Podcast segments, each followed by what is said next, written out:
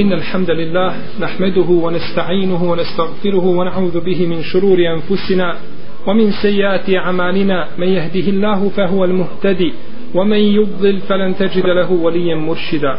وأشهد أن لا إله إلا الله وحده لا شريك له. وأشهد أن محمدا عبده ونبيه ورسوله وصفيه من خلقه وخليله أدى الأمانة وبلغ الرسالة ونصح الأمة وكشف الله به الغمة وجاهد في الله حق جهاده حتى أتاه اليقين. يا أيها الذين آمنوا اتقوا الله حق تقاته ولا تموتن إلا وأنتم مسلمون. يا أيها الناس اتقوا ربكم الذي خلقكم من نفس واحدة وخلق منها زوجها وبث منهما رجالا كثيرا ونساء واتقوا الله الذي تساءلون به والأرحام إن الله كان عليكم رقيبا. يا أيها الذين آمنوا اتقوا الله وقولوا قولا سديدا. يصلح لكم أعمالكم ويغفر لكم ذنوبكم. ومن يطع الله ورسوله فقد فاز فوزا عظيما. أما بعد فإن أحسن الكلام كلام الله وخير الهدي هدي محمد صلى الله عليه وسلم وشر الأمور محدثاتها وكل محدثة بدعة وكل بدعة ضلالة وكل ضلالة في النار. Draga moja braćo, Allahu poslanik sallallahu alejhi ve sellem je obavijestio svoj umet u brojnim hadisima da će biti ispitivani da će biti stavljani na fitnete i na kušnje. Pa su tako hadisi mutevatir po svome broju došli koji ukazuju da će da će na ome dunjaluku nastupiti neredi i smutnje i da će čovjek biti ispitivan u pogledu svoje vjere. Fitneti se mogu podijeliti u dvije vrste. I to je ono što je bilo poznato kod ashaba Allahovog poslanika sallallahu alaihi wasallam. Bileže dva šeha al-Bukhari i Muslim u svojim sahihima da su od Šakika ibn Seleme da su jedne prilike sjedili sa Omerom radijallahu ta'ala anhu u halki i tu je bio Huzeifa radijallahu anhu. Pa je Omer upitao da li neko zna i da li pamti hadise fitneta i nereda i smutnje od poslanika sallallahu alaihi wasallam pa je Huzeifa rekao znam ja ja pamtim te hadise o vladaru pravovjedni pa je rekao kazao je Allahu poslanik sallallahu alaihi wasallame fitnetu ređuli fi ehlihi wa malihi wa waladihi wa jarihi tukefiruha as-salah was-siyam, was-sadaqa, wal amr wa nahi kaže fitnet je čovjeku u njegovoj porodici u njegovom imetku u njegovom djetetu i njegovoj komšiji. a te fitnete i te nerede i te smutnje iskupljuje namazi, post i sadaka i pozivanje na dobro i odvrćanje od zla. Kada je to čuo Omer radijallahu anhu kazao je ne pitam o tome. Ne pitam o tim vrstama fitneta i nereda već pitam o onim fitnetima i onim neredima koji će nastupiti na zemlji koji će biti kao morski valovi jedan iza drugog po svojoj veličini i po svojoj žestini također. Pa je kazao Uzeifa radijallahu anhu o vladaru pravovjernih između tebe i tih fitneta su vrata jedna velika vrata koja su zatvorena. Pa je upitao Omer hoće li se ta vrata otvoriti nekada? Pa je rekao Huzeife hoće. Pa je rekao, da li će se otvoriti ili će se slomiti? Ili će se probiti i srušiti? Pa je rekao, probit će se i srušiti. Pa je rekao Omer radijallahu anhu, onda se neće zatvoriti nikada više. Vidimo iz ovoga hadisa, draga moja braćo, da fitneti se mogu podijeliti u dvije vrste. Da su to oni fitneti koji su manji razmjera i manje opasni. Da je čovjek ispitivan u svojoj porodici i u svome imetku i ispitivan je sa ljudima sa kojim živi. Bilo da se radi o njegovoj vlastitoj porodici ili da se radi o komši i slično tome. I da, su, I da je druga vrsta tih fitneta i tih smutnji ono što će nastupiti nakon toga, a to je da će čovjek biti ispitivan sa fitnetima koji će biti kao morski valovi. Huzeyfa radijallahu anhu je bio povjerenik tajni Allahovog poslanika alaihi salatu wasalam. I bio je najučeniji čovjek u pitanjima fitneta i u pitanjima nereda. Kaže Huzeifa radijallahu anhu kako bilježi ima muslim u svome sahihu Kaže, tako mi Allaha, nema ni jednog nereda koji će nastupiti između mene i sudnjeg dana, a da ja ne znam za njega. O tome me je obavijestio poslanik sallallahu alaihi wasallam. Obavijestio je samo mene i nije više nikoga. Obavijestio je Allahov poslanik svoga povjerenika, povjerenika svojih tajni o onome što će nastupiti do sudnjega dana.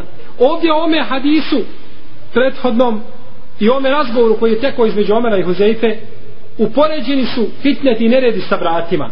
Sa jednim vratima koja će se srušiti i razbiti i nakon toga se nikada više neće neće zatvoriti. Jer kada se sruše tada će kroz ta vrata izlaziti fitneti na društva i neredi kao morski valovi i tako će ih prekrivati i tako će ta društva u fitnetima i u neredima boraviti.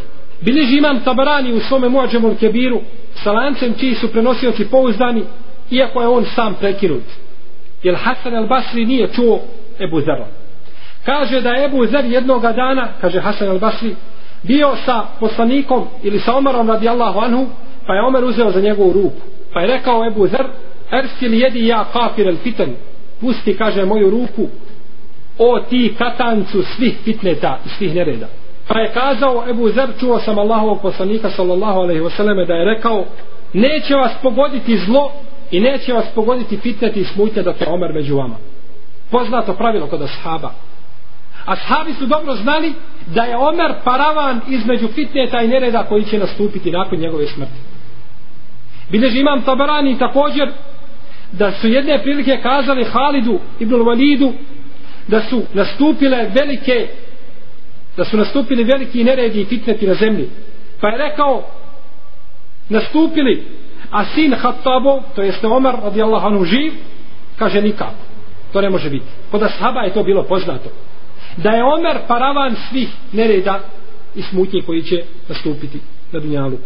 Bile Ibnu Ebi šejbe, imam Eruvijani i Nuaym ibn Hamad od Huzeyfe radijallahu anhu sa vjerodostojnim lancem prenosilaca da je kazao između vas govori ashabima između vas odnosno govori ashabima koji su bili tada prisutni i tabinima između vas i fitne taj nereda koji će nastupiti je kaže samo nekoliko milja.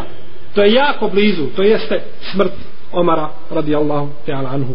I zato draga moja braćo ashabi su nastojali da izvuču što više toga od Huzeife radijallahu anhu. Pa su mu jednog dana kazali ti ashabi koji su bili prisutni tabini kaže pričaj nam o onome što znaš o onome što te obavijestio Allahov poslanik. Pa im je rekao Huzeife radijallahu anhu kada bih vam pričao sve ono što sam čuo od Allahovog poslanika kaže vi bi mene kamenovali. Vi bi mene kamenjem gađali smatrali bi da sam lud. Da vam kažem šta će nastupiti.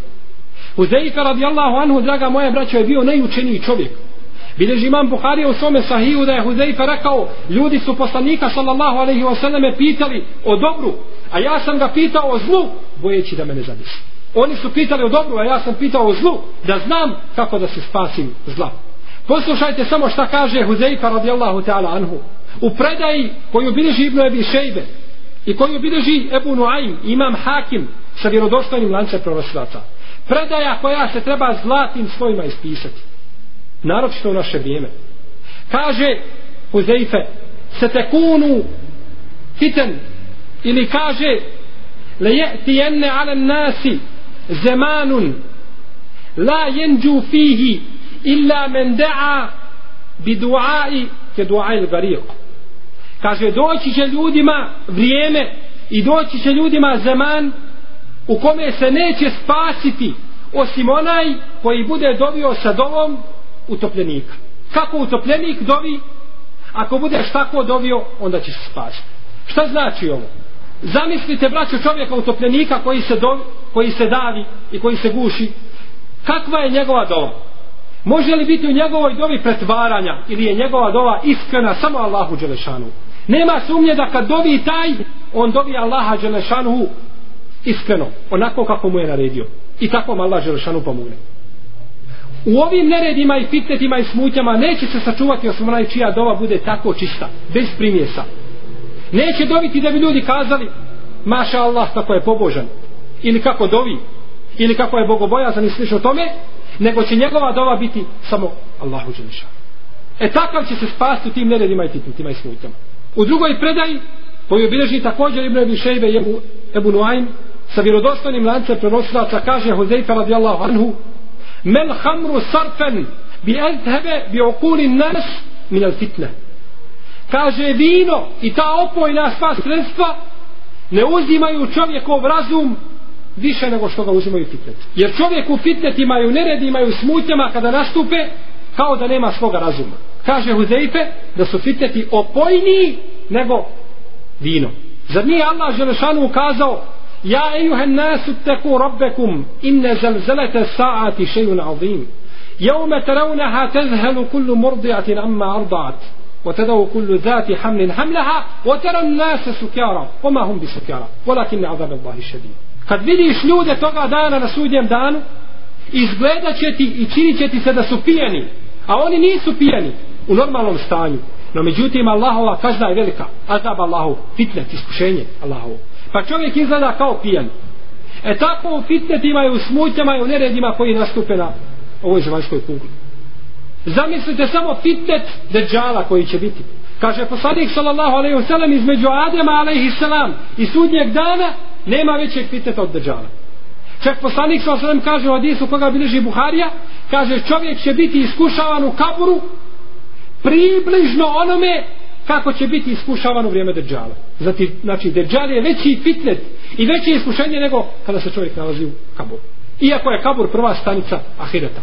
Ali ne može biti između sudnjeg dana i od Adem ala islam sudnjeg dana ne može biti veće fitnet, fitneta iskušenja od Deđala. Ovi fitneti, draga moja braćo, koji će nastupiti na zemlji.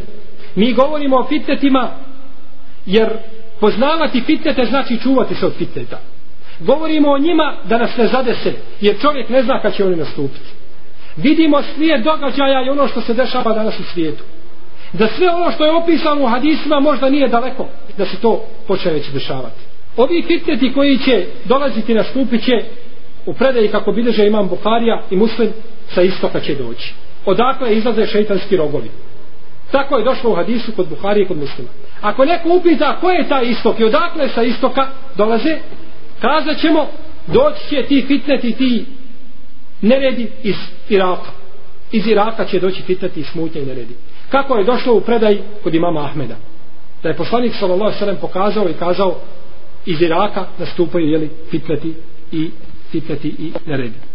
Ne kažemo da će svi fitneti i svi neredi doći iz Iraka ali će sigurno odatle početi i onda će se raširivati po zemaljskoj kugli kao balan baš onako kako je opisao Huzeyfa radijallahu ta'ala anhu i tako će ovaj i tako će zemlju prekrivati ti volumati i ta nepravda i ta iskušenja ljudima u koja će padati.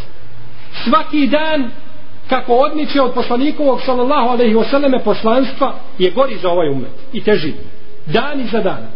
Došli su tabini Enesu ibn Maliku radijallahu anhu da mu se žale na nepravdu El Hadžađa ibn Jusufa Esekafija, jednog velikog islamskog vladara nepravednika i nasilnika koji je ubio Abdullaha ibn Zubeira sina Esme Aisha radijallahu ta'ala anha njemu bila tetka.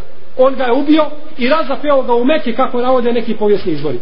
Došli su da se žale Enesu nasilju koga čini taj nepravednik El Hadžađ pa Enes rekao strpite se tako mi Allaha kaže neće vam doći ni jedan dan a da nije gori od onoga prethodnog svaki dan koji je prije njega bio je bolji od toga dana. Kako odmiče vrijeme dolaze teža vremena. Možda će neko ovdje upitati pa kazati u redu. Omer ibn Abdulaziz je živio nakon El Hadžađa. Nakon njega. A poznato je da je Omer ibn Abdulaziz bio pravedni vladar. Neki ga nazivaju petim pravednim imamom. I u istinu zaslužuje taj naziv. Kako onda može biti svaki dan do gori kad je El Hadžab živio prije Omara ibn Abdul Aziza, a njegovi dani su bili gori i njegova vladavina je bila nepravedna. Može li biti pravedniji onaj od onoga koji ubije ashaba Allahov poslanika? Kažemo, braćo, na ovo pitanje možemo odgovoriti na dva načina. Prvi odgovor je jeste da se ovo odnosi na vrijeme, na period. Pa može doći u jednom periodu da bude napredovanja i nazadovanja, ali u principu, u globalu, kako odmiču dani, ide se sve ka gore. Pa može znači doći da jedno vrijeme koje je poznije bude uspješnije od onoga prethodnog, ali u principu će se i to srušiti i opet ide ka gore. To je jedan odgovor. I ovaj odgovor bi bio slabiji. Jači odgovor od ovoga jeste da kažemo da je ovdje vrednovanje i kriteriji na osnovu koji se e, vrednuje stanje jednog naroda jeste na osnovu uleme. Na osnovu uleme. Pa je ulema koja je bila u vrijeme imama, odnosno u vrijeme ovoga El Hadžađa, je bolja nego ulema koja je vrijeme, bila u vrijeme Omara ibn Abdulaziza. Jer ulema koja je bila u vrijeme El Hadžađa, to su bile ashabi. A ulema koja je bila u vrijeme Omara ibn Abdulaziza, to više nisu bila ashabi. Odnosno, potpuno mali broj je bio ashaba živ. Možda Enes ibn Malik i Amir ibn Tufejl i možda još neki ashab da je bio živ koji su već bili starci poznijim godinama. Tako da je ulema u vrijeme El Hadžaža bila bolja nego ulema u vrijeme Omara ibn Abdulaziza. Jer braćo, kada hoćete da znate stanje jednog ummeta, pogledajte, ne jednog ummeta, jednog naroda općenito, na zemaljskoj kugli, ne misli se na muslimane, pogledajte mjesto uleme u tom društvu. Ako se u tom društvu ulema cijeni, ne govorimo samo o ulemi, šerijatskoj ulemi i vjerskoj ulemi, nego govorimo općenito o ulemi iz svih oblasti, ako se ta ulema cijeni i pazi i daje im se njihovo pravo koje zaslužuju, sigurno će mjesto takvih biti na velikom nivou. I to najbolje možete vidjeti danas u ome naprednom zapadnom svijetu, naprednom naravno u samo materijalnom pogledu. U vjerskom pogledu oni su gori od hajvana. Njima su hajvani uzori u vjerskom pogledu. No međutim, doživjeli su jedan veliki napredak u materijalnom tom pogledu, baš zbog toga što su dali u Lemi mjesto i pravo koje im pripada. A muslimani su doživjeli taj poraz i to nazadovanje zbog toga što nisu dali mjesto u Lemi u svojim zemljama. I danas u bilo kojoj islamskoj zemlji da čovjek nešto otkrije, neki patent i sliš o tome, na zapadu biva nagrađen najboljom nagradom. Da mu se i državljanstvo i auto i, i nekakve povlastice i tako dalje u arapskim zemljama takav čovjek biva zatvoren godinama. Jer nemaš pravo da otkriješ nemaš pravo da govoriš o napretku imaš pravo samo da govoriš o nažetku i kad vidite ljude kako cijene u lemu u jednom društvu i kad vidite njihov odnos pram u lemom znajte kako je to društvo. I sigurno stanje umeta kroz generacije ukazuje na ovo što sam kazao. Da je svako vrijeme kako odmiče da ulema u tom vremenu nije bila a, odnosno ulema u poznijim generacijama nije bila kao ulema u priješnjim generacijama. Zato je poslanik rekao najbolja su tri stoljeća ili stoljeće u koje ja živim stoljeće koje slijedi potom ono koje slijedi. I tako stepenovanje do sudnjeg dana. E to je ta razlika koja je spomenuta u ovome, ovoj predaju draga moja braćo jedan od najvećih fitneta koji može biti jeste da nema uleme i učenih koji ukazuju na fitnete. To je samo po sebi veći fitnet od tih fitneta koji će nastupiti. Jer kada čovjek zna da će ga nešto zadesiti, onda se on priprema za to. Imanski, materijalno, duhovno, nije bitno, on se priprema i očekuje to. Ljudi koji znaju da će ih napasti neka sila izvana, neće ga izraditi taj napad, bez obzira kakav to kuvat i kakva snaga bila. Jer se on već priprema za to. Priprema se duševno i priprema se materijalno. Ali čovjek koji ne zna da će ga nešto zadesiti, e takav je poražen. Ne znam koliko da bio jak, jer je to njega iznenadilo. E tako je braće sa fitnetima. Kad nestane u leme koja će govoriti o fitnetima ljudima, e to su najveći fitneti. Jer će čovjeka zadesiti i upadat će u fitnete, a ne zna da su to fitneti. Misli da je to dobro i da je to hajde. I da je u tome za njega napredak. No međutim, na kraju će se ispostaviti da je to za njega samo propast. I zato bileži Ebu Nuaym El Asbehani kaže da su ashabi poslanika sallallahu alaihi wasallame poučavali svoju djecu hadisima koji govore o fitnetima kao što su ih poučavali suri iz Kur'ana. Jako bitno, to je terbija, to je odgoj. Ako neko pita kako da odgojim svoje djete, na takav ga način odgojim. Kad bude razumno, ukazio, ukažimo da će doći vrijeme fitneta i smutnje nereda. Kako ga učiš suri jedno iz Kur'ana, tako ga pouči hadisima koji govore o neredima i o smutama i o fitnetima. I bileži imam Ahmed u svojem musnadu, imam Dejlemi u musnadu Firdeus. I ovo je predaju također zabilježio imam El Bezar u svome musnadu sa prekinutim lancem prenosilaca kako kaže Hafiv ibn Hajar u Tehzibu da je poslanik sallallahu alaihi wasallam rekao la jahružu dađal hatta jedhela nasu an zikrihi. Kaže neće se pojaviti dađal sve dok ljudi ne budu prekinuli govoriti o dađalu sve dok ljudi budu govorili o dađalu neće se pojaviti. Kada ljudi prekinu da govore o njemu onda će se pojaviti. I dalje nastade ome hadisu. Poslanik sallallahu alaihi wasallame wa hatta tetruke le immetu zikrehu alel menabir. I kaže sve dok imami na mimberima ne prekinu da spominju držala kada imami na mimberu prekinu da spominju držala tada će se držal pojaviti. Jer nema više onih koji ukazuju ljudima na fitnete i na nerede na smutnje koji će nastupiti e kada se to desi to je samo znači posebi onda fitnete jer tada će doći deđal a čovjek neće znati deđala neće znati kako izgleda neće znati šta piše između njegovih očiju neće znati da razlikuje između haka i batila pa će ga srediti kada mu deđal kaže ako proživim tvoga oca i tvoju majku hoćeš li povjerovati da sam ja tvoj gospodar kaže hoću pa će deđal pozvati dva šetana koji će se pretvoriti jedan u lik njegovog oca, a drugi u lik njegove majke, pa će kazati, sine, to je tvoj gospodar, slijedi ga. Pa će ga slijediti. Pa će ga u vatru džahennemsku baciti. Jer nije bilo imama, nije bilo uleme, nije bilo daja, nije bilo onih koji znaju i koji poznaju da upozoravaju ljude na fitnete i na smutje, na verede koji će nastupiti na ovoj zemaljskoj kugli. I bileže Ebu Nuaym od Mekhula, jednog poznatog tabina, da je kazao, kaže, fitneti kada prilaze, znaju ih samo učeni. A fitneti, kaže, kada odlaze, znaju ih i učeni ne učeni. Tada svako, kada se desi neredi smutnja i kada ljudi budu iskušani i kada to prođe, svako zna da su ljudi bili iskušani. No međutim, kada se to približavalo i kada su prilazili fitneti, to nisu mogli znati nego samo oni koji su poznavali sunnet poslanika sallallahu alaihi wasallam. Pogledajte samo kako je bio poslanik sallallahu alaihi wasallam brižan da ukaže svome umetu na fitnete i na smutnje i na nerede koji će nastupiti.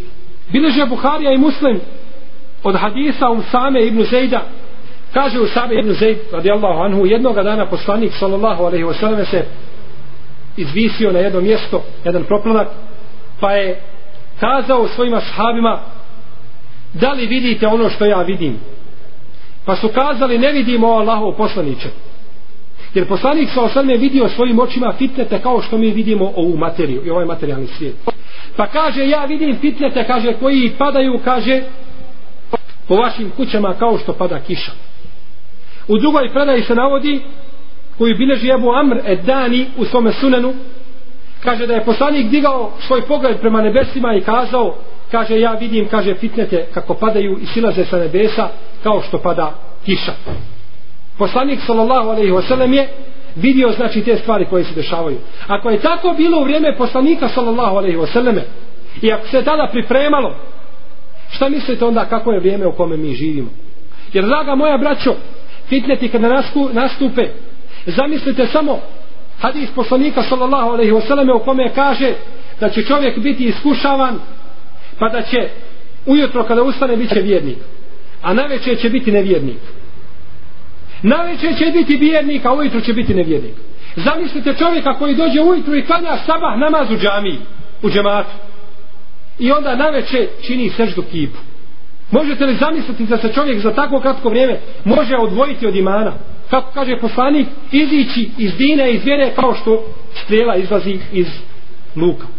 To su uistini, to su uistinu fitneti i smutnje neredi koji se čovjek mora čuvati mora se čuvati da ne upadne u njih jer može upasti u njih i ne osjeti da je upao zato draga moja braća da bi se čovjek začuvao fitneta i nereda i smutnji mora u ovim teškim vremenima da pojača svoju vezu sa Allahom Đelešanu da bude čvrst u svojim ibadetima i da se ne igra sa svojom vjerom jer čovjek može učiniti jednu sitnicu malu i da zbog nje ne može nadoknaditi ono što je stekao od vjere možda za dug vremenski period Lahko se je čovjeku vrati unazad, a teško je čovjeku da napreduje.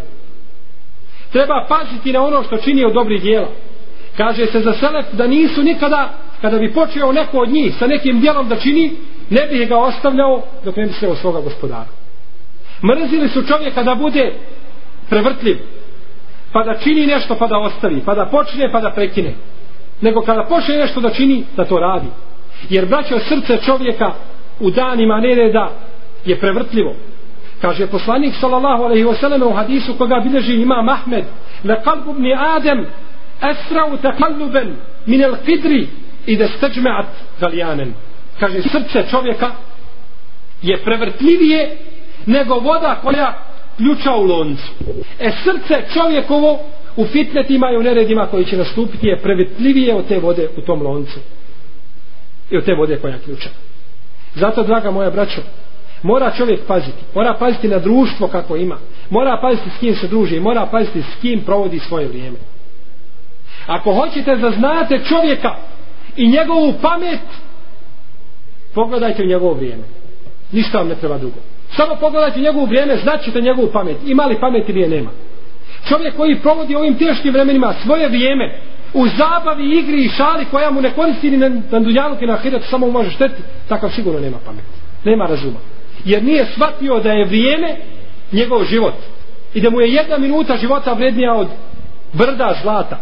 A kada hoćete, ovo su riječi Selefa, a kada hoćete da znate vjeru čovjeka, pogledajte u njegov jezik.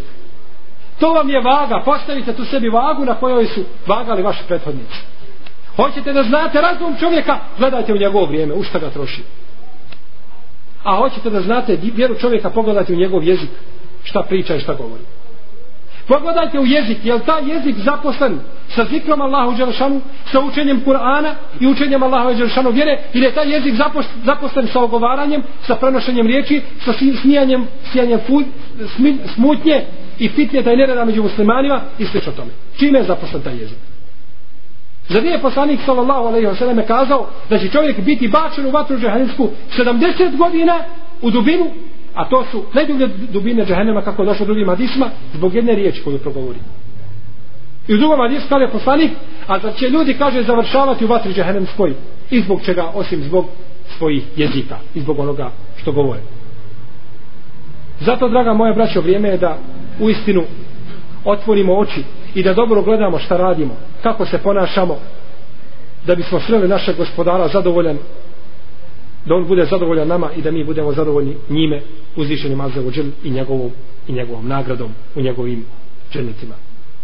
Molim uzvišenog Allaha te barake wa ta'ala da nas sačuva fitneta onih javnih i onih skrivenih i da nam najbolji muči naša zadnja dijela i da nas spoju dženetu sa našim poslanikom Muhammedom alaihi salatu i da nas učini od pomoćnika njegove vjere sallallahu ala nabina Muhammedin wa ala alihi wa ashabi